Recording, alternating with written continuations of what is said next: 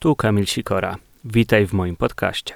Teoretycznie w najbliższą niedzielę mają się odbyć wybory prezydenckie. Kiedy słuchacie tego podcastu, pewnie wiecie już więcej niż ja, nagrywając go w poniedziałkowe popołudnie. Gościem tego odcinka jest Jan Kantak, członek sztabu Andrzeja Dudy. Rozmawiam też z Karoliną Iwańską z Fundacji Panoptykon na temat niezwykle interesującego raportu o mikrotargetowaniu internetowym w kampanii parlamentarnej w 2019 roku. Liczę, że ta rozmowa pozwoli Wam ostrożniej podchodzić do tego, co widzicie w internecie w czasie tej kampanii, która jeszcze trwa.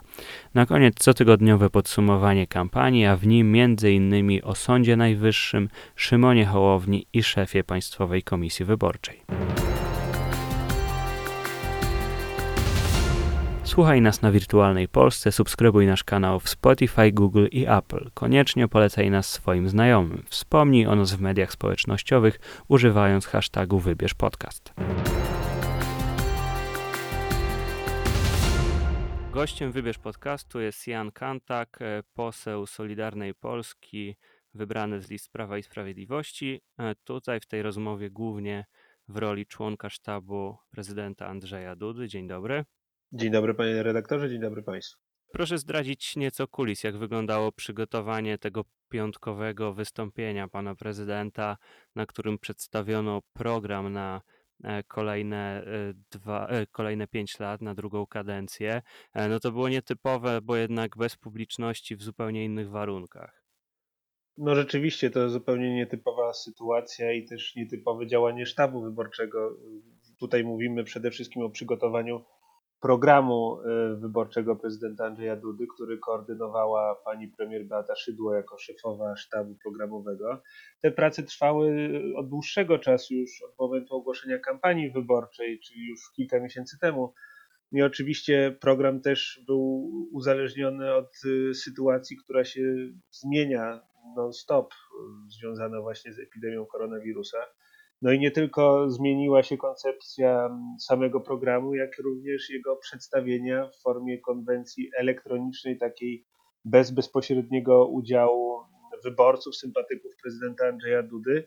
No było to coś nowego, które na pewno zostanie zapamiętane przez politologów przede wszystkim, ale myślę, że taka świeżość na pewno jest pozytywnie odebrana, że głowy są pełne pomysłów y, po stronie Zjednoczonej Prawicy nie jesteśmy sytymi, grubymi kotami, które e, już przyzwyczaiły się do tego, że rządzą, tylko jesteśmy dalej pełni pomysłów, głodni, głodni zmieniania Polski na lepsze, wprowadzenia kolejnej dobrej zmiany. Więc tutaj są bardzo dobre nastroje w sztabie. To proszę powiedzieć e, dla pana, która z, e, który z tych postulatów, która z tych propozycji Andrzeja Dudy e, z piątku, z 1 maja jest najważniejsza, najciekawsza, ma największe szanse na to, żeby przysporzyć głosów panu prezydentowi? Ja bym tutaj nie chciał indywidualnie się wypowiadać, który jest najlepszym pomysłem. W mojej ocenie no, na pewno ciekawą kwestią jest stworzenie tego funduszu związanego z chorobami rzadkimi, bo przecież bardzo często jesteśmy świadkami sytuacji, w której przez media zbierane są pieniądze, szczególnie takie chwytające za serce sytuacje operacji ratujących życie u naszych małych obywateli, małych dzieci, które mają choroby rzadkie, często niefinansowane przez Narodowy Fundusz Zdrowia i taki fundusz, który będzie pozwalał sfinansować tego rodzaju y, operacje, w mojej ocenie społecznie jest bardzo potrzebny, bardzo pozytywnym y, odbiorem się spotka. No i oprócz tego kwestia y, skierowania swojej koncentracji na gospodarkę, na polską gospodarkę, po pierwsze, dlatego, że nadchodzi olbrzymi kryzys gospodarczy, no to już każdy to widzi, szczególnie w państwach Europy Zachodniej. Prognozuje się, że w Hiszpanii już teraz y, bezrobocie wynosi 40% w wyniku koronawirusa. Prawdopodobnie może wzrosnąć po okresie letnim, przez to, że ludzie nie będą odwiedzali hiszpańskiego wybrzeża. No mamy nadzieję, że my przejdziemy znacznie lepiej ten kryzys zarówno zdrowotny, jak i gospodarczy ale faktycznie ważne jest, żeby teraz stawiać na naszych rodzimych producentów, na polską gospodarkę. sformułował taką ciekawą myśl jeden z przedsiębiorców, który stwierdził, że oprócz tych tarcz proponowanych przez rządzących, tarczy antykryzysowej, ważna jest też tarcza konsumencka, żebyśmy zwracali uwagę na to, skąd pochodzi produkt, który kupujemy. No i na tę kwestię też stawia pan prezydent Andrzej Duda, o tym mówił i przecież jest takim orędownikiem i pomysłodawcą programu Kupuj Polski Produkt. Ja mogę też się pochwalić, że coś podobnego zainicjowałem na Lubelszczyźnie w moim okręgu wyborczym. Stworzyłem wyzwanie internetowe, taki zwany lubelski koszyk, lubelski challenge, E, który polega właśnie na tym, żeby pokazywać produkty związane z Lubelszczyzną i nominować innych, żeby też pokazywali i nagrywali takie krótkie filmiki. Więc to są ważne inicjatywy, niezwykle ważne, żebyśmy też pokazywali jedność jako społeczeństwo, że od nas, od naszej postawy bardzo wiele zależy.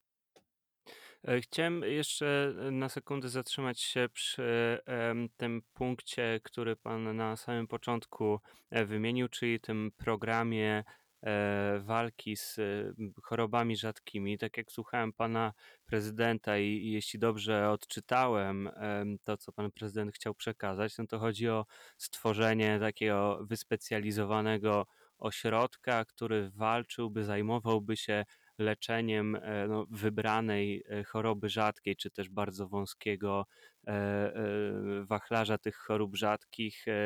Tam padły takie sformułowania, że, że to byłby ośrodek no, taki znany na całym świecie i tak jak dzisiaj widzimy zbiórki internetowe, gdzie rodzice zbierają środki na to, żeby swoje dziecko zawieźć na operację, czy do Niemiec, czy do Stanów Zjednoczonych, czy e, do jakiegoś innego ośrodka, który specjalizuje się właśnie w leczeniu takiej jednej bardzo rzadkiej choroby, no to coś takiego miałoby powstać u nas. I Zastanawiam się trochę, panie pośle, czy to nie jest jednak e, podchodzenie od e, złej strony do problemu, bo rzeczywiście mamy w Polsce bardzo duży problem z leczeniem chorób onkologicznych, ale tych najbardziej powszechnych, tych, na które e, zapadają co roku tysiące, dziesiątki tysięcy Polaków. No proszę pamiętać, że zarządów Zjednoczonej Prawicy i prezydentury Andrzeja Dudy nakłady ogólnie na służbę zdrowia wzrosły przecież z 77 miliardów w roku 2015 do 104 miliardów w ubiegłym roku. No to widzimy olbrzymi y, przyrost. Tak samo 3 miliardy y, zaproponowane przez prezydenta Andrzeja Dudy z Funduszu Medycznego właśnie będą przeznaczone na leczenie onkologiczne oraz choroby rzadkie, czyli nie tylko choroby rzadkie, ale też zwiększenie nakładów na choroby onkologiczne no to są tematy, które, którymi żyją Polacy i tak jak pan e, redaktor wspomniał, choroby rzadkie są bardzo skomplikowane i niekiedy e, one mogą być leczone w jednej klinice na całym świecie. Takie przypadki się zdarzają. Jest taka jedna dziewczynka, która mi wyjątkowo zapadła pamięć, która miała problemy ze skórą, rozwarstwienie skóry. Ja tam nie, nie jestem ekspertem medycyny, więc nie, nie, pamiętam jak to się nazywało, ale Pamiętam, że musiała specjalnie lecieć do Minneapolis, do Minnesota w Stanach Zjednoczonych, żeby mieć zabieg i to ten zabieg no, praktycznie można powiedzieć, że uratował jej życie. Więc to nie jest kwestia mm, tego, że w Polsce mogłyby takie osoby być leczone, tylko tego, żeby fundusz zawierał wystarczające środki, aby takie osoby nie musiały się martwić i miały zapewnione ze strony państwa polskiego wsparcie na leczenie za granicą. A chciałem jeszcze tylko spytać, e, czy, czy Pana zdaniem jednak e, prezentowanie programu na tak naprawdę 10 dni przed wyborami, no bo nadal obowiązuje e, data 10 maja. Dodam tylko naszym słuchaczom, że rozmawiamy w poniedziałek 4 maja, no i na razie jeszcze stan prawny jest taki, że że wybory mają się odbyć 10 e, maja, chociaż pewnie już nasi słuchacze, słuchając e, tego podcastu, będą wiedzieć dużo więcej niż, e, niż my wiemy teraz. W każdym razie, no, pan prezydent zaprezentował swój program 1 maja, 10 dni przed wyborami. To nie jest trochę mało czasu, który pan prezydent dał wyborcom na zapoznanie się z jego programem? Ja myślę, że pan prezydent przez e, ostatnie pięć lat e, prezentował cały swój program spojrzenia e, takiego holistycznego na sprawy polskie i cała prezydentura, poprzednia kadencja jest też pokazaniem programu i pomysłu na Polskę, który był realizowany i będzie realizowany. No tutaj nie mamy do czynienia z kandydatem, który jest świeży, nowy na scenie politycznej, tylko mamy urzędującego prezydenta, który każdą swoją decyzją realizował program i każdy ma pewien ogląd i spojrzenie na to, jak to będzie mogło wyglądać w drugiej kadencji, więc tutaj bym nie szukał zarzutu, że pan prezydent za późno zaprezentował program, zwłaszcza jeśli weźmiemy pod uwagę, że ta kampania no nie była no była w pewien sposób specyficzna. Ona się odbywała przed, przede wszystkim za pośrednictwem mediów społecznościowych, ale pan prezydent też miał bardzo wiele obowiązków związanych z koordynowaniem państwa, funkcjonowania państwa związanego z kryzysem wywołanym przez koronawirusa. Także no to wszystko było trochę specyficzne, ale rzeczywiście uważam, że przede wszystkim musimy się skupić na tym, jak wyglądała prezydentura przez ostatnie pięć lat i że pan prezydent wypełnił prawie w 100% swój program i swoje obietnice wyborcze, które były składane w 2015 roku. No i to jest e, ewenement według mnie na skalę e, polityka, bo rzadko się zdarza, że aż w takiej skali, tak, tak bardzo jest zrealizowany program, który był zapowiadany. E, no właśnie, jak e, słucham teraz pana prezydenta, e, to mam wrażenie, że tych obietnic jest już dużo mniej niż 5 lat temu. No i zapewne, jeśli spytam pana o to, to, to pan powie, że to dlatego, że pan prezydent zrealizował wiele swoich obietnic, a może ja powiem, że pan prezydent zobaczył, że część z tych rzeczy, które obiecał 5 e, lat temu, no nie jest do zrealizowania, bo tak jak za chwilę dam oczywiście panu możliwość pochwalenia pana prezydenta za to, co już zrobił i co obiecał i dotrzymał, ale najpierw przypomnę rzeczy, które pan prezydent obiecał 5 lat temu kandydując, a które się nie ziściły, takie jak na przykład kwota wolna od podatku na poziomie 8 tysięcy złotych, przewalutowanie kredytu frankowego po e, kursie z dnia wzięcia tego kredytu, 0% mm, VAT na ubranka dziecięce, likwidacja NFZ czy odbudowa polskich stoczni. No panie redaktorze, to przypomnijmy, że prezydent ma inicjatywę ustawodawczą, to jest jego jeden z e, narzędzi, które może kształtować rzeczywistość i przecież pan prezydent złożył taką, e, taką propozycję, żeby kwota wolna wyniosła 8 tysięcy. No prezydent nie ma możliwości, żeby zmieniać ustawy e, tak jak on uważa, tylko władzą ustawodawczą jest polski parlament, no i parlament nie zdecydował się zmienić tej kwoty wolnej od podatku, ale przypomnijmy, Czyli że... zły PiS nie pozwolił panu prezydentowi... Nie, nie, nie, nie, nie tylko panie redaktorze, no nie można... No, oczywiście żartuję, ale no panie, panie pośle, no też e, e, no, rządzi Prawo i Sprawiedliwość, czyli obóz polityczny pana prezydenta, więc wydaje mi się, że tutaj podnoszenie argumentu, że pan prezydent e, ma tylko inicjatywę ustawodawczą i to parlament decyduje, no jest trochę jednak e, nadużyciem, ponieważ skoro e, pan prezydent i, i rządzący to jest ten sam obóz polityczny, e, to albo pan prezydent powinien nie składać tej obietnicy bo już y, wiedział, że y, ona nie zostanie zaakceptowana przez większość rządzącą, albo przekonać tą większość rządzącą i mieć już e, poparcie i zapewnienie, że ta ustawa zostanie e, przyjęta przez parlament e, przed złożeniem tej obietnicy. Panie redaktorze, y, są zmiany, które zostały przeprowadzone przez prezydenta Andrzeja Dudy, które naprawdę zmieniły całkowicie funkcjonowanie i życie społeczne polskich rodzin. Naprawdę te programy społeczne, które zostały przeprowadzone, ja wiem, że to cały czas się powtarza, ale to naprawdę trzeba powtarzać, bo to jest y, niesamowite osiągnięcie rządów Prawa i Sprawiedliwości, przede wszystkim prezydenta Andrzeja Dudy. Przecież był wyśmiewany jako kandydat y, na prezydenta, kiedy mówił, że obniży wiek emerytalny, kiedy mówił o programie 500.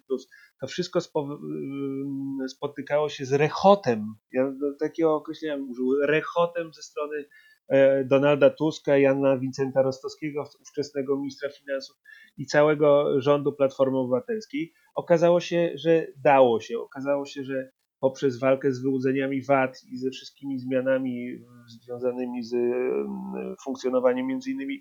Krajowej Administracji Skarbowej czy ze skuteczniejszą pracą prokuratury, okazało się, że można wprowadzić ogromne reformy, ogromne wsparcie dla rodzin, dla polskiego społeczeństwa, a przy okazji mieć y, dobrze sformułowany budżet i mieć praktycznie zerowy deficyt.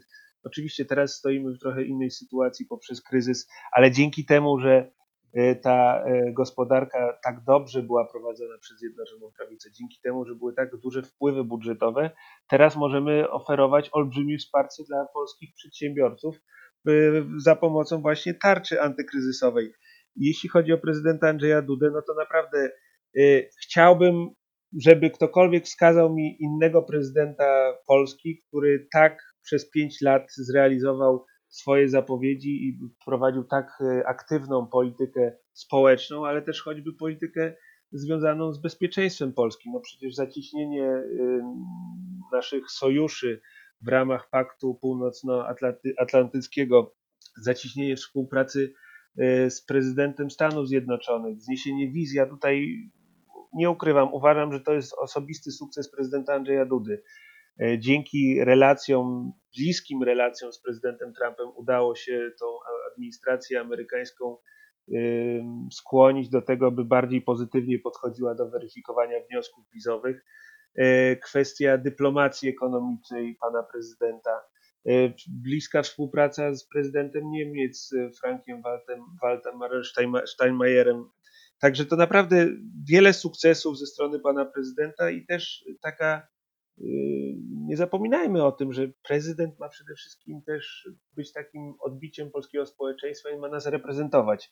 Myślę, że wypełniał to w doskonały sposób prezydent Andrzej Duda. E, no, Pan prezydent e, mówił, że będzie prezydentem wszystkich e, Polaków, że będzie, że jego pałac prezydencki będzie otwarty, że krytykował Bronisława Komorowskiego za to, że podpisuje, że ten podpisuje wszystko, co przysyła mu Platforma Obywatelska w lutym 2000 2015 roku na, na konwencji pan prezydent właśnie stwierdził, że Bronisław Komorowski podpisywał tylko te ustawy, które przynosił mu rząd PO-PSL. Prezydent nie jest e, notariuszem rządu. E, ci, którzy nie są politykami e, Prawa i Sprawiedliwości albo publicystami mediów sprzyjających Prawu i Sprawiedliwości, mówią, że Andrzej Duda był E, notariuszem Prawa i Sprawiedliwości. Oczywiście było kilka e, przypadków ustaw, które prezydent Andrzej Duda zawetował albo odesłał do Trybunału Konstytucyjnego, ale w przeważającej większości prezydent podpisywał to, co e, przysłał parlament zdominowany przez Prawo i Sprawiedliwość i to często zdarzało się tak, że te ustawy były błyskawicznie podpisywane e, bez, bez tak naprawdę większej szansy na dogłębną analizę tych ustaw. Panie redaktorze, no liczba wet, y, czyli za, zablokowania ustaw przez prezydenta Andrzeja Dudy i w porównaniu do Bronisława Komorowskiego jest znacznie większa. Bronisław Komorowski, o ile mnie pamięć nie myli, zawetował cztery ustawy podczas rządów Platformy Obywatelskiej. Prezydent Andrzej Duda myślę, że co najmniej 10, o ile mnie pamięć nie myli. Tutaj chciałbym oczywiście zrobić takie wyłączenie. E, I pamiętamy, że prezydent Duda wielokrotnie te weta stawiał dość istotnych sprawach. Weta Branisława Komorowskiego, nie wiem, czy pan redaktor byłby w stanie przywołać y, w sytuacji, w której wiedzieliśmy, że Platformie bardzo na tej ustawie zależało, a prezydent Komorowski zdecydował się ją zawetować. A w sytuacji, w przypadku prezydenta Andrzeja Dudy, no, były takie przypadki, kiedy y, rządowi Zjednoczonej Prawicy bardzo zależało na konkretnej ustawie, a, a prezydent Andrzej Duda jednak zdecydował się postawić weto, choćby w kwestii y, ustroju sądów i kwestii Krajowej Rady Sądownictwa. Więc y, to jest jak zwykle, oczywiście opozycja będzie próbowała mm, wskazywać, że prezydent Andrzej Duda jest związany ze środowiskiem Prawa i Sprawiedliwości, bo oczywiście jest i gdyby nie był to, e, gdyby prezydent Andrzej Duda nie, nie miał związku z Prawem i Sprawiedliwością, to te wszystkie reformy, to wszystko tak dobrze by nie funkcjonowało. No to jest oczywiste. Przecież widzimy, jak teraz Senat, rozmawiamy w chwili obecnej 4 maja, jeszcze nie wiemy, jak się, potoczy, jak się potoczą prace nad ustawą związaną z głosowaniem korespondencyjnym, ale widzimy, jak wyglądałoby rządzenie Polską w sytuacji, w której opozycja miałaby urząd prezydencki. No przecież widzimy, jak marszałek Grodzki już torpeduje i wszystkie możliwe sposoby wykorzystuje, aby wprowadzać obstrukcje w kwestiach no niezwykle istotnych, w kwestiach ustrojowych związanych z procesem demokratycznym. Także uważam, że to jest y, ewidentne, że prezydent oczywiście ma związek z Prawem i Sprawiedliwością, ale y, miał swoje zdanie i zawsze te swoje zdanie wyrażał poprzez swoje prerogatywy, czyli kwestia przyjęcia ustawy, skierowania jej do Trybunału Konstytucyjnego, czy też jej odrzucenia w postaci weta.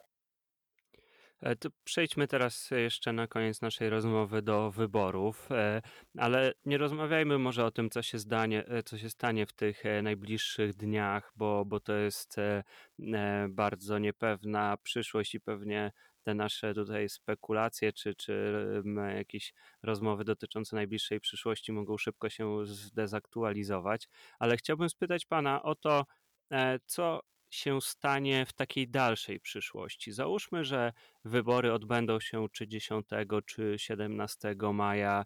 Wygra je prezydent Andrzej Duda. Oczywiście Sąd Najwyższy zostanie zasypany protestami wyborczymi. E, Sąd Najwyższy uzna, że te wybory e, jednak e, były ważne, spełniły warunki. Andrzej Duda jest wybrany prezydentem. Podniosą się głosy tych, którzy nie uznają części Sądu Najwyższego za prawidłowo obsadzony.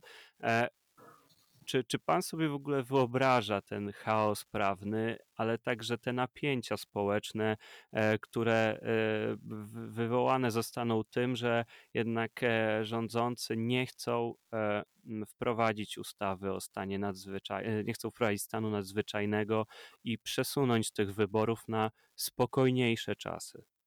No tu jest wiele założeń, które przyjął pan redaktor. No trudno przyjąć, że wszystkie staną się rzeczywistością, ale na pewno należy założyć z praktycznie stuprocentową pewnością, że opozycja będzie próbowała podważyć wynik e, wyborów w sytuacji, jeśli je przegra oczywiście, bo jeśli by wygrała, to tak samo jak wybory odbyły się w Aleksandrowie Kujawskim w tydzień temu w niedzielę w czasie epidemii w normalny sposób E, mieszkańcy Aleksandrowa Kujawskiego poszli do lokali wyborczych i frekwencja sięgnęła w 41% i wybrano na burmistrza przedstawiciela Polskiego Stronnictwa Ludowego. Wtedy było wszystko w porządku i myślę, że nie będzie żadnych protestów wyborczych. Oczywiście jeśli prezydent Andrzej Duda by wygrał te wybory, to niezależnie w jaki sposób te wybory zostałyby przeprowadzone, czy one by się odbyły 23 maja, czy 17 maja, czy 10 maja, czy jeszcze by się odbyły w sierpniu, to nie ma znaczenia.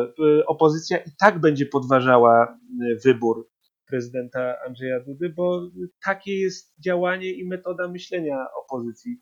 Y, podważają funkcjonowanie Trybunału Konstytucyjnego, podważają funkcjonowanie Krajowej Rady Sądownictwa. Teraz przyjdzie im pewnie podważać funkcjonowanie i wybór prezydenta Andrzeja Dudy. No, gdybyśmy jako rządzący mieli się przejmować tym, co będzie mówiła i próbowała podważać opozycja, to nie wprowadziliśmy, nie wprowadzilibyśmy żadnej zmiany, nie wprowadzilibyśmy nawet 500+, bo przecież pamiętam wypowiedzi y, polityków notabli Platformy Obywatelskiej, które mówili, że się nie da, mówili, że to sprowadzi y, w Polsce taki kryzys gospodarczy jak w jakiejś Boliwii czy w jakimś innym państwie Ameryki Południowej.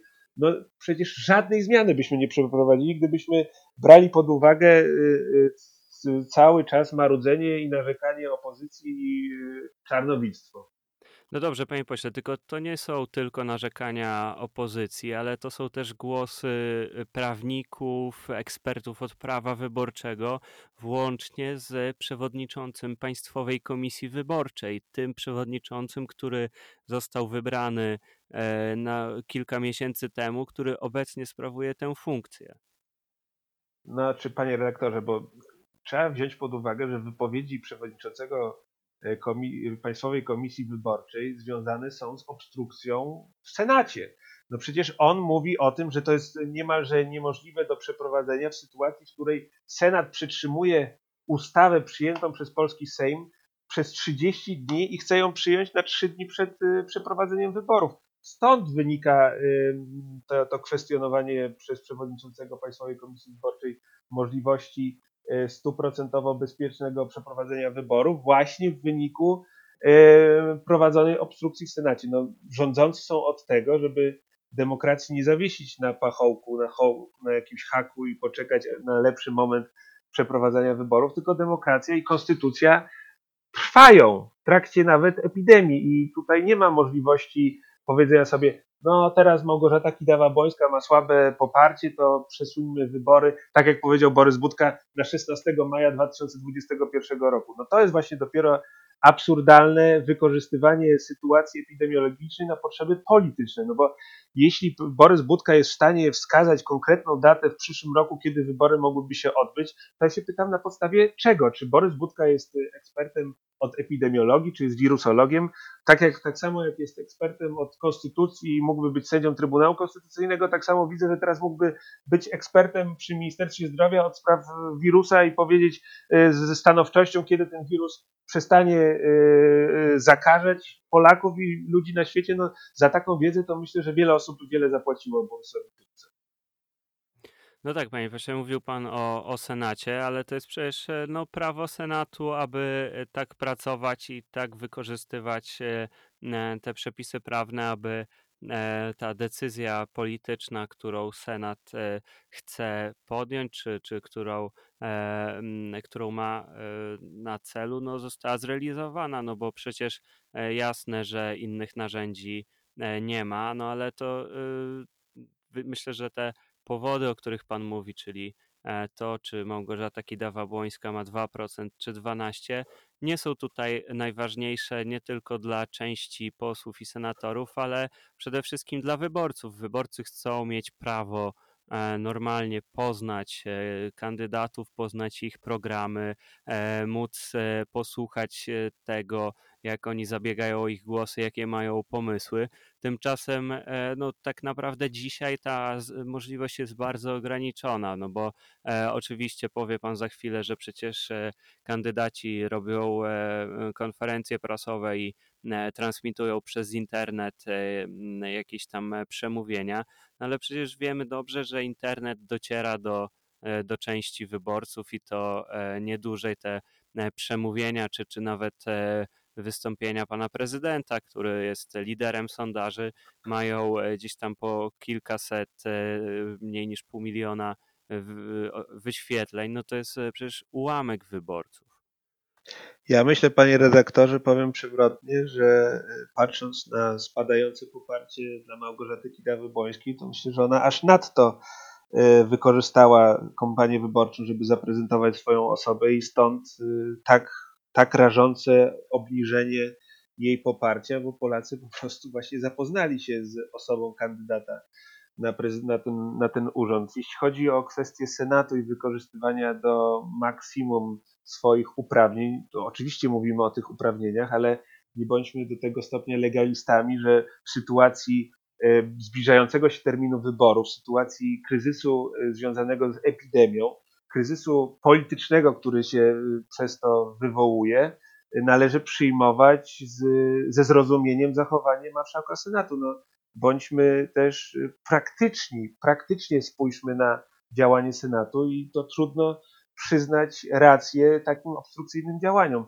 Co innego jest wykorzystywanie tych uprawnień w sytuacji, w której Senat byłby obciążony pracą i konstytucja wskazuje, że no dobrze, macie dużo roboty, to macie 30 dni, żeby się tym zająć, a co innego, jeśli Senat przedłuża y, pracę nad jedną, praktycznie jedyną ustawą po to, żeby zablokować proces demokratyczny. No, to zupełnie dwie różne sytuacje, mimo że mówimy o tym samym przepisie.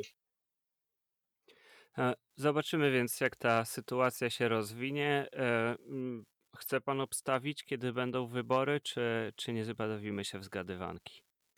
Ja myślę, że zgadywanki nie mają sensu. Powinniśmy przede wszystkim zwrócić uwagę na to, że Sejm y, w obecnym składzie przyjął tę ustawę i dzięki głosom polskich posłów Senat się tą ustawą zajmuje, więc y, nie widzę powodów, żeby y, ci, ci posłowie, którzy głosowali za tą ustawą, po zmianie, po odrzuceniu ewentualnym tej ustawy w Senacie mieliby głosować nagle za przeciw, przeciw, za to, przeciw tej ustawie, więc no, pożyjemy, zobaczymy. I tym filozoficznym stwierdzeniem kończymy. Gościem Wybierz Podcastu był Jan, Kas Jan Kantak, przepraszam bardzo, e, poseł e, z Klubu Prawa i Sprawiedliwości, członek sztabu prezydenta Andrzeja Dudy. Dziękuję bardzo. Dziękuję bardzo.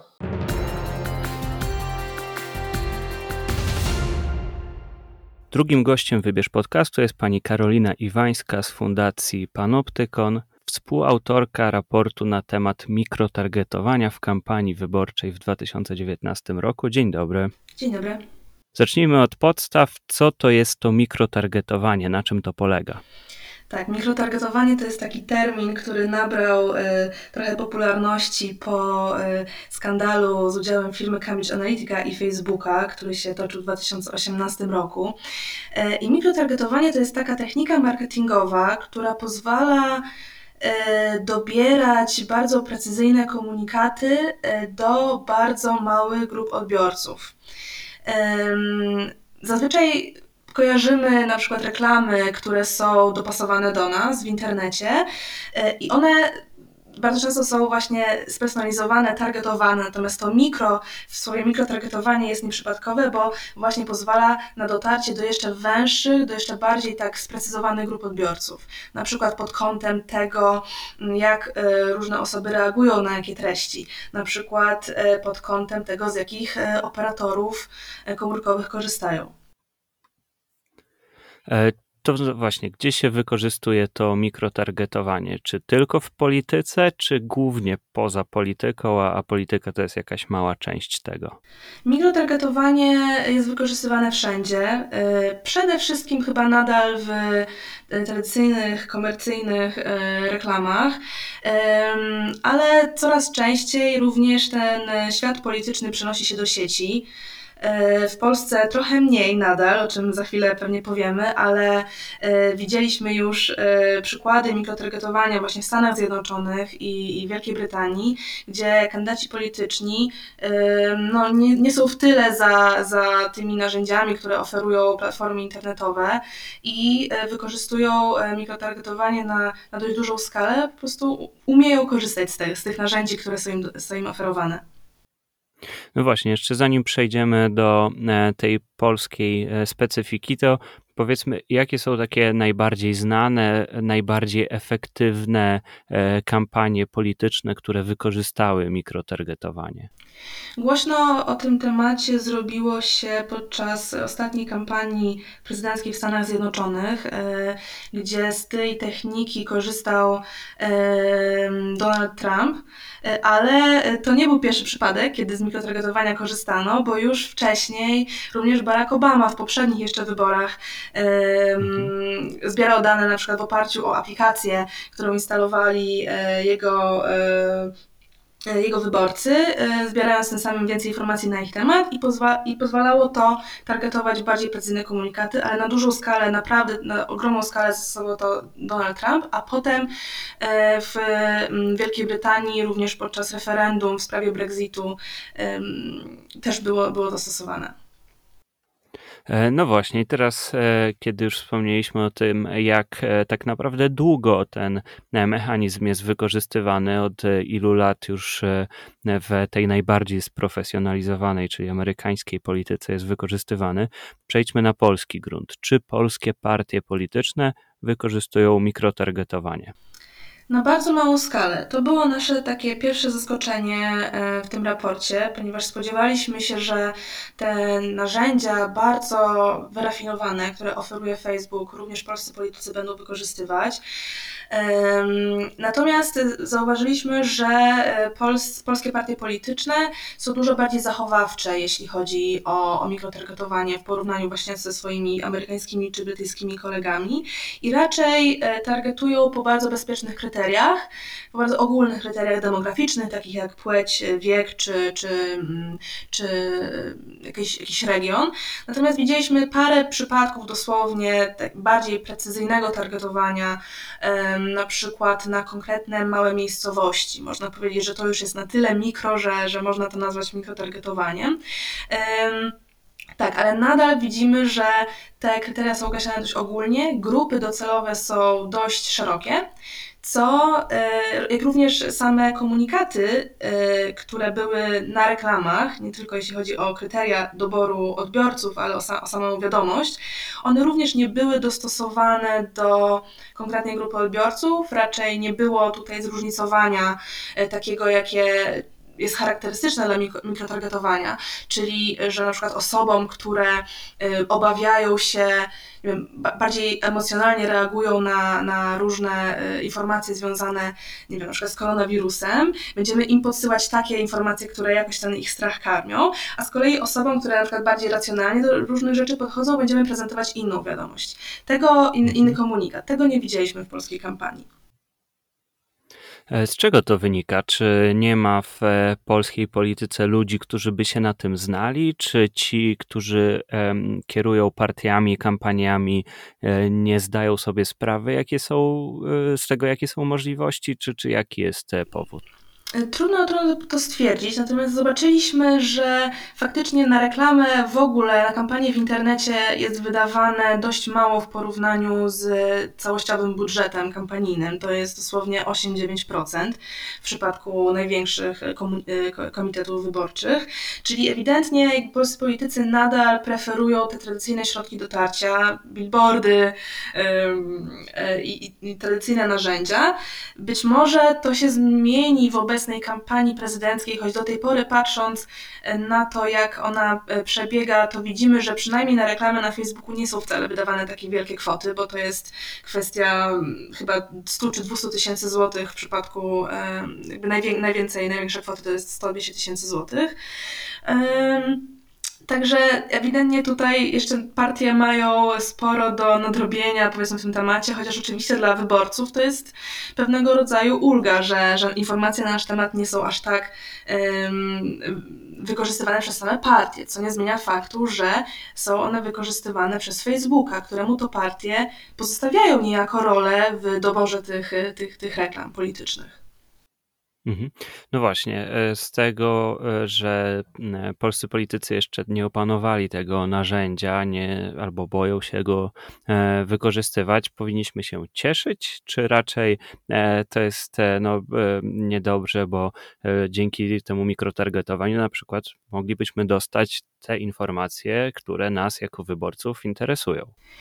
To, że partie polityczne nie korzystają na pierwszy rzut oka przynajmniej z mikrotargetowania, nie oznacza, że jego tak naprawdę nie ma.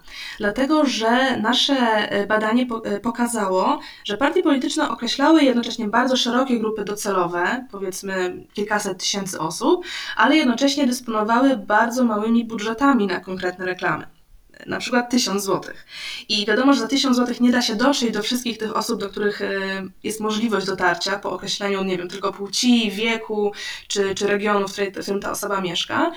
Mm, więc to, to ten drugi etap, czyli doboru reklamy już do tego, kto, na, kto zobaczy ostatecznie, do kogo ta reklama ostatecznie trafi, należy do, w tym przypadku Facebooka, bo tego dotyczyło nasze, nasze badanie. I Facebook za pomocą swoich algorytmów i, i wiedzy zgromadzonej o nas wszystkich e, w oparciu o nasze interakcje z tą platformą i, i informacje z innych stron internetowych, jest w stanie określić, które osoby na przykład chętniej zareagują na daną reklamę, albo do których osób dana reklama, dany temat jest w stanie lepiej przemówić. I partie polityczne mogą tego nie wiedzieć, dlatego że po prostu nie mają dostępu do tych danych. W Polsce, w porównaniu ze Stanami Zjednoczonymi, jest silniejsza ochrona danych osobowych. Same partie też widać nie palą się do e, takiej analityki swoich wyborców, jak to miało miejsce podczas skandalu Cambridge Analytica, mm, ale to nie oznacza, że tych informacji, które są bardzo wartościowe, nie posiada Facebook. I faktycznie ta, ta, ta, ta tak zwana optymalizacja reklam należy w pełni do niego i tutaj w ogóle nie mamy w to wglądu, nie, nie mamy pojęcia, co się, co się tam dzieje i dlaczego faktycznie dana reklama dotarła do, do tej konkretnej osoby. E, no właśnie, jak w Polsce wygląda mm, sytuacja prawna mikrotargetowania, tak to, Mhm. tak to ujmę. Czy to jest jakoś e, w ogóle zapisane w prawie, czy ktoś to kontroluje? I e, zaraz e, dopytam, czy pani zdaniem ktoś powinien nad tym sprawować przynajmniej jakąś pieczę?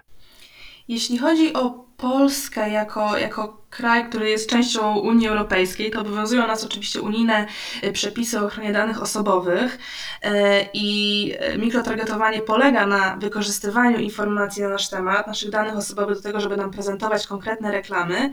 W związku z tym to jak najbardziej ma zastosowanie i dlatego między innymi partie, myślę, nie mają aż takiego dostępu do danych na nasz temat, bo po prostu nie mają skąd ich wziąć, nie, no, nie kupują ich od jakichś brokerów danych, bo jest to zwyczajnie nielegalne. I to jakby super, że, że tego nie robią. E, natomiast e, jeśli chodzi o to, co same platformy, czyli takie tak jak Facebook, mają nam pokazać, nam, użytkownikom, ale też badaczom czy instytucjom, na temat tego, dlaczego e, takie reklamy polityczne na przykład trafiły do takich, a nie innych osób, kto za nie zapłacił, ile nie wydano i tak dalej, nie ma w tym momencie prawa, które by to regulowało obowiązującego prawa. Po skandalu Cambridge Analytica Unia Europejska stworzyła taki kodeks mający przeciwdziałać dezinformacji, ale to jest narzędzie e, dobrowolne, pod nim podpisały się dominujące platformy i dzięki temu my jako użytkownicy mogliśmy na przykład dostać dostęp do, e, w ogóle mogliśmy przeprowadzić to badanie, bo powstała między innymi biblioteka reklam, która pokazuje wszystkie reklamy, które, które zostały zasponsorowane, ale nadal nie pokazuje to w ogóle informacji o tym, o targetowaniu, czyli dlatego, dlaczego dana reklama trafiła do danej osoby i jakie informacje były na temat wykorzystywane. Również pod kątem finansowania nie jest zbyt wesoło, dlatego że e, mm, PKW, która Państwowa e, Komisja Wyborcza, która powinna móc zweryfikować, jakie kwoty są wydawane na poszczególne elementy kampanii, nie ma takich możliwości. Nasze badanie to doskonale pokazało, y, dlatego że partie polityczne zazwyczaj przekazują takie ogólne umowy o obsługę y, kampanii w sieci, na przykład, albo w ogóle mhm. o obsługę kampanii,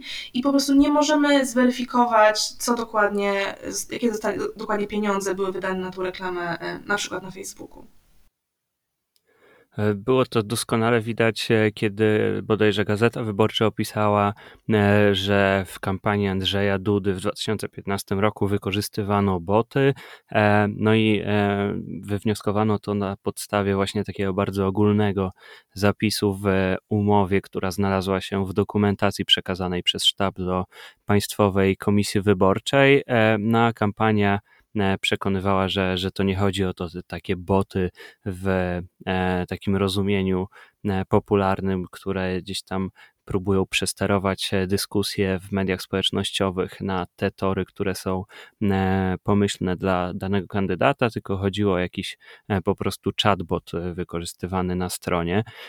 No ale czy, czy sądzi Pani, że rzeczywiście polscy politycy w końcu zaktualizują i przystosują do XXI wieku to nasze prawo wyborcze, bo to chodzi przecież też o to, w jakiej formie są składane te dokumentacje dotyczące finansowania kampanii, przecież to są jakieś umowy zeskanowane, skserowane, e, przez które trzeba się ręcznie przekopać strona po stronie i z których trudno wyciągnąć jakieś e, dane przydatne w takiej analizie ilościowej. Dokładnie, tak jak Pan mówi, kolega tutaj z naszego zespołu, który był zaangażowany w to, w badanie sprawozdań finansowych, spędził no, setki godzin w komisji wyborczej, przeglądając ręcznie tysiące, tysiące dokumentów, e, żeby móc w ogóle zidentyfikować te, te, te, te, te, wydatki. Więc to jest w ogóle absolutne minimum, żeby te, do, te dokumenty były przekazywane w formie e, do odczytania przez maszyny, czyli też nie w przypadku, nie, nie w skanach, ale żeby to można było przeszukiwać e, i, i sprawnie przeglądać. E, natomiast to, to jest kwestia finansowania i tutaj polskie, polskie instytucje, polski prawodawca ma, że tak powiem, kompetencje do działania.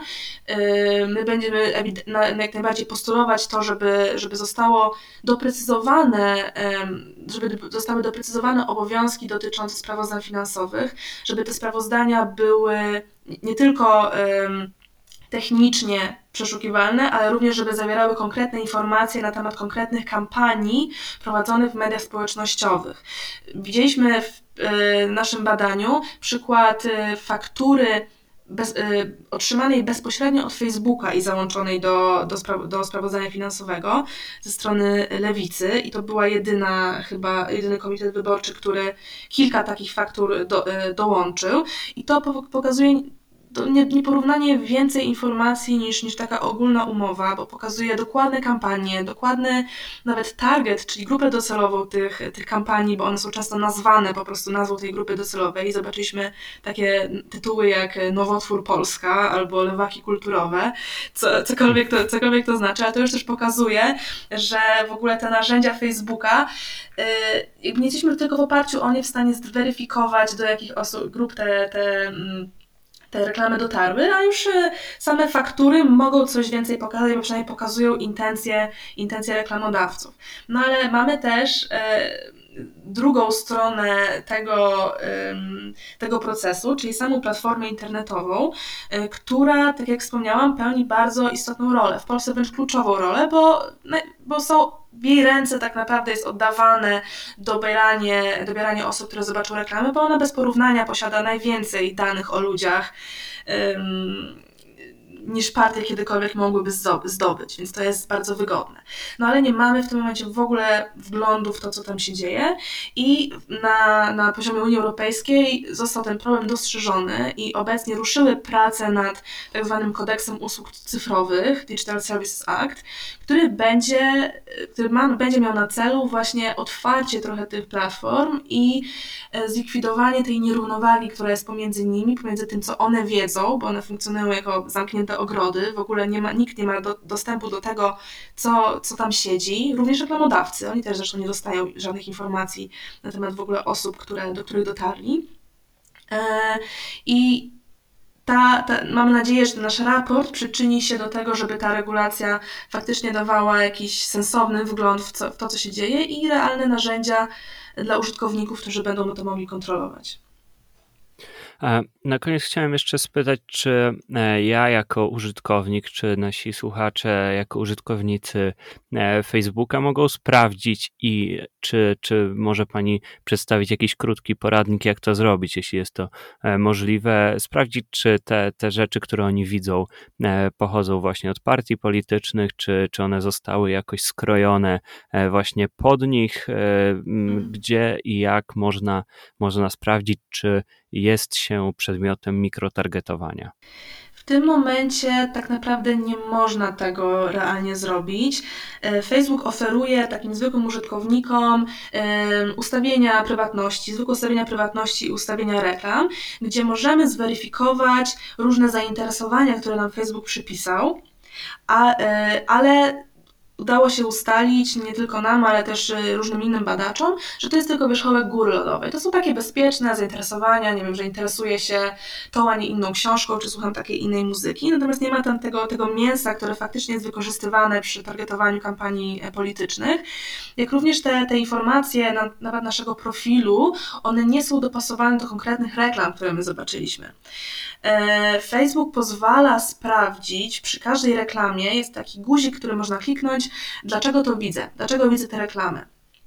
I y, dzięki naszym y, ochotnikom, ponad 6 tysiącom osób, które zainstalowały wtyczkę Kto Cię namierzył, która zbierała właśnie te informacje dlaczego to widzę, które były widoczne przy reklamach, udało nam się ustalić, że te informacje nadal są bardzo ogólne, nadal nie pokazują, dlaczego dana reklama dotarła do konkretnej osoby. Krótki przykład. Mieliśmy koleżankę, która była e, w zaawansowanej ciąży e, w momencie e, kampanii mm, i dostała reklamę od jednej z partii politycznych dotyczącą opieki okołoporodowej.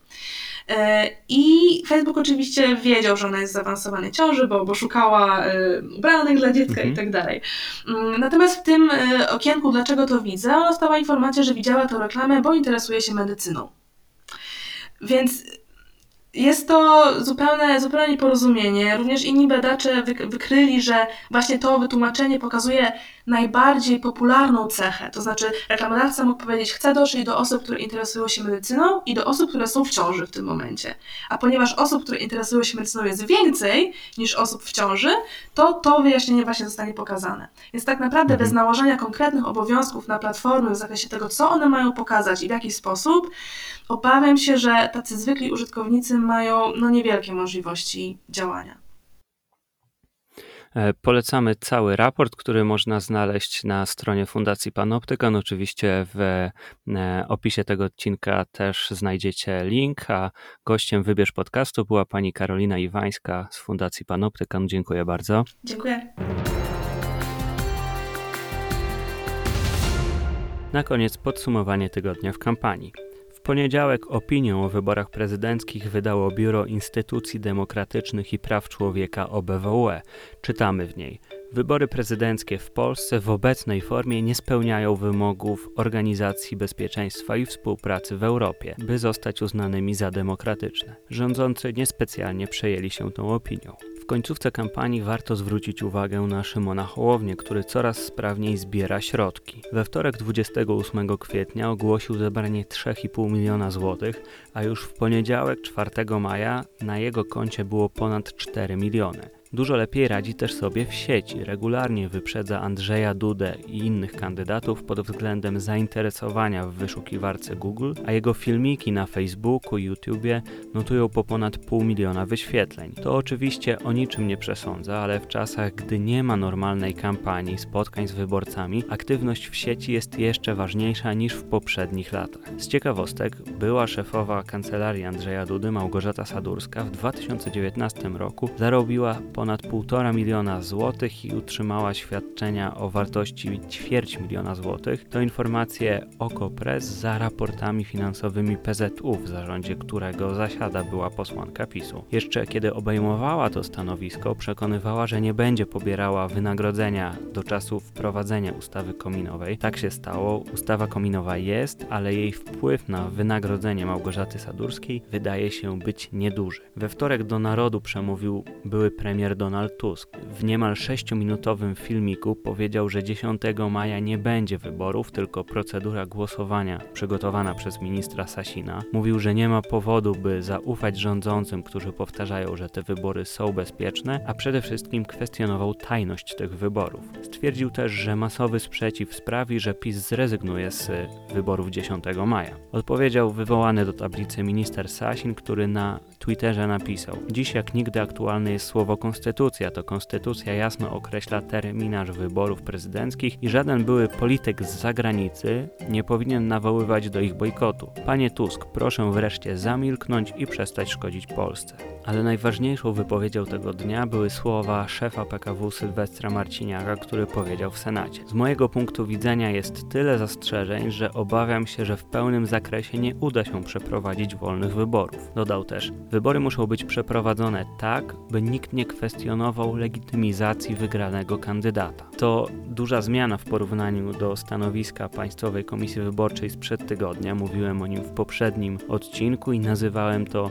wywieszeniem białej flagi. Teraz szef PKW dużo ostrzej wyraża swoje wątpliwości co do tego, w jaki sposób wybory mają być przeprowadzone. Robert Biedroń nadal namawia do udziału w wyborach i pokonania Andrzeja Dudy. Proponuje też stworzenie ruchu kontroli wyboru. Niecałą dekadę temu taki ruch, dokładnie tak nazwany, prowadziło Prawo i Sprawiedliwość, które pilnowało przebiegu wyborów. Dzisiaj na szybko i bez takich struktur terenowych, jakie miało i ma Prawo i Sprawiedliwość, stworzenie takiego masowego ruchu wydaje się trudne. Władysław Kośniak-Kamysz pojawił się u popularnego prawicowego youtubera Krzysztofa Woźniaka, na którego kanale aż roi się od spiskowych teorii, m.in. dotyczących koronawirusa czy śmierci osób publicznych. Kampania kampanią, ale niektórych miejsc poważni politycy nie powinni uwiarygadniać swoją obecnością. Głównym wydarzeniem środy, chociaż niezauważonym kompletnie tego dnia, był briefing kandydata na prezydenta Stanisława Żółtka,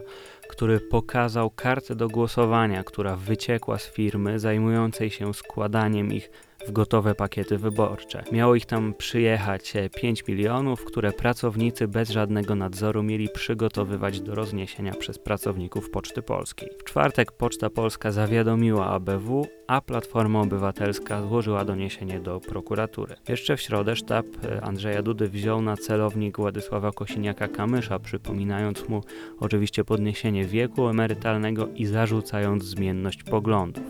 W ślad za sztabem z dogłębnymi reporterskimi materiałami i analizami zaproszonych publicystów podążyła TVP. Andrzej Duda wieczorem zorganizował kolejne internetowe spotkanie z użytkownikami Facebooka. Stwierdził na nim m.in., że ma dystans do sondaży, które dają mu zwycięstwo w pierwszej turze. Dodał też, że Małgorzata Kidawa-Błońska jest zmartwieniem Koalicji Obywatelskiej, bo to właśnie tego ugrupowania jest kandydatką. W czwartek opublikowano list byłych prezydentów i premierów. Czytamy w nim m.in. Procedura korespondencyjnego głosowania w takiej formule i czasie, jaki proponuje rządząca partia, to pseudowybory. Nie weźmiemy w nich udziału. Mamy nadzieję, że podobnie uczynią kandydaci i wyborcy, którzy podzielają naszą troskę o demokratyczną przyszłość Polski. Listu oczywiście nie podpisała była premier Beata Szydło i były premier Jarosław Kaczyński. Prezydent Andrzej Duda wyznaczył Kamila Zaradkiewicza na pełniącego obowiązki pierwszego prezesa Sądu Najwyższego. Dlaczego mówię o tym w podcaście wyborczym? Po pierwsze dlatego, że stało się to tematem dyskusji, pescoço e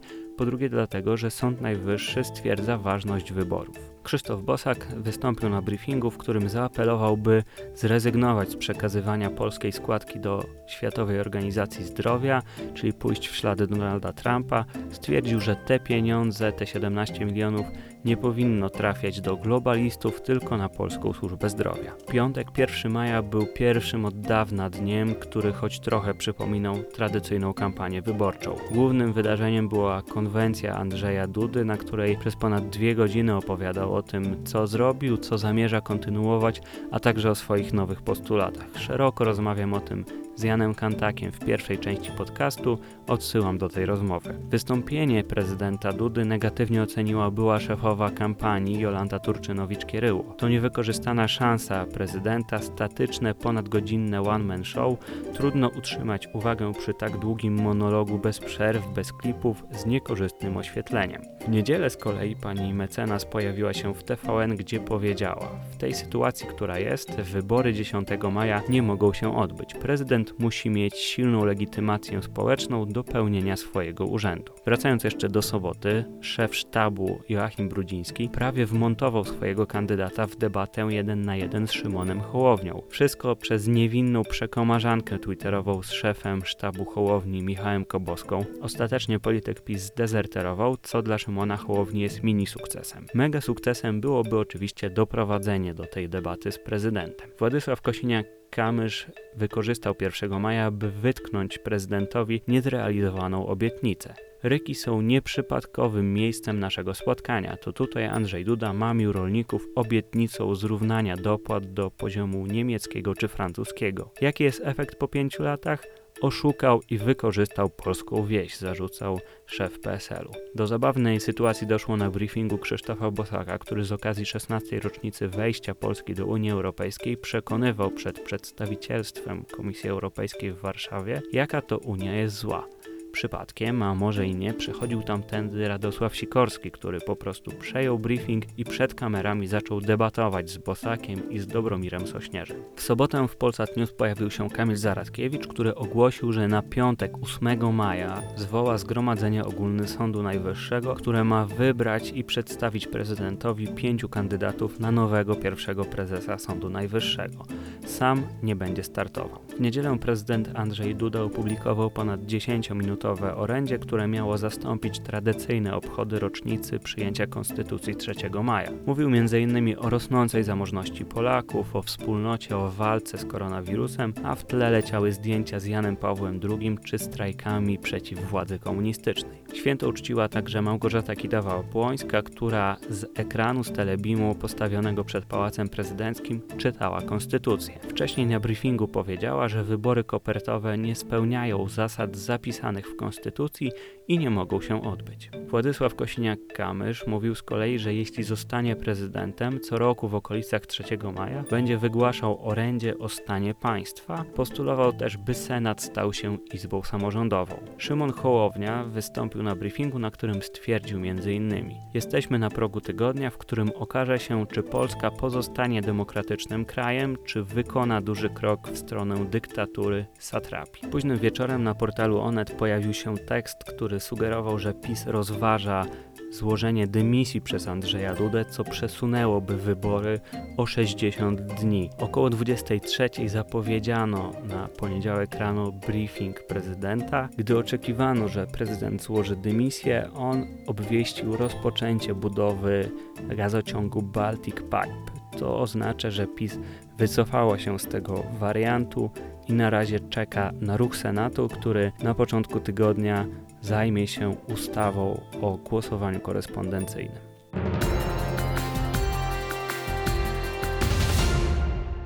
Słuchaj nas na Wirtualnej Polsce, subskrybuj nasz kanał w Spotify, Google, oceniaj nas w Apple Podcasts. Koniecznie polecaj nas swoim znajomym.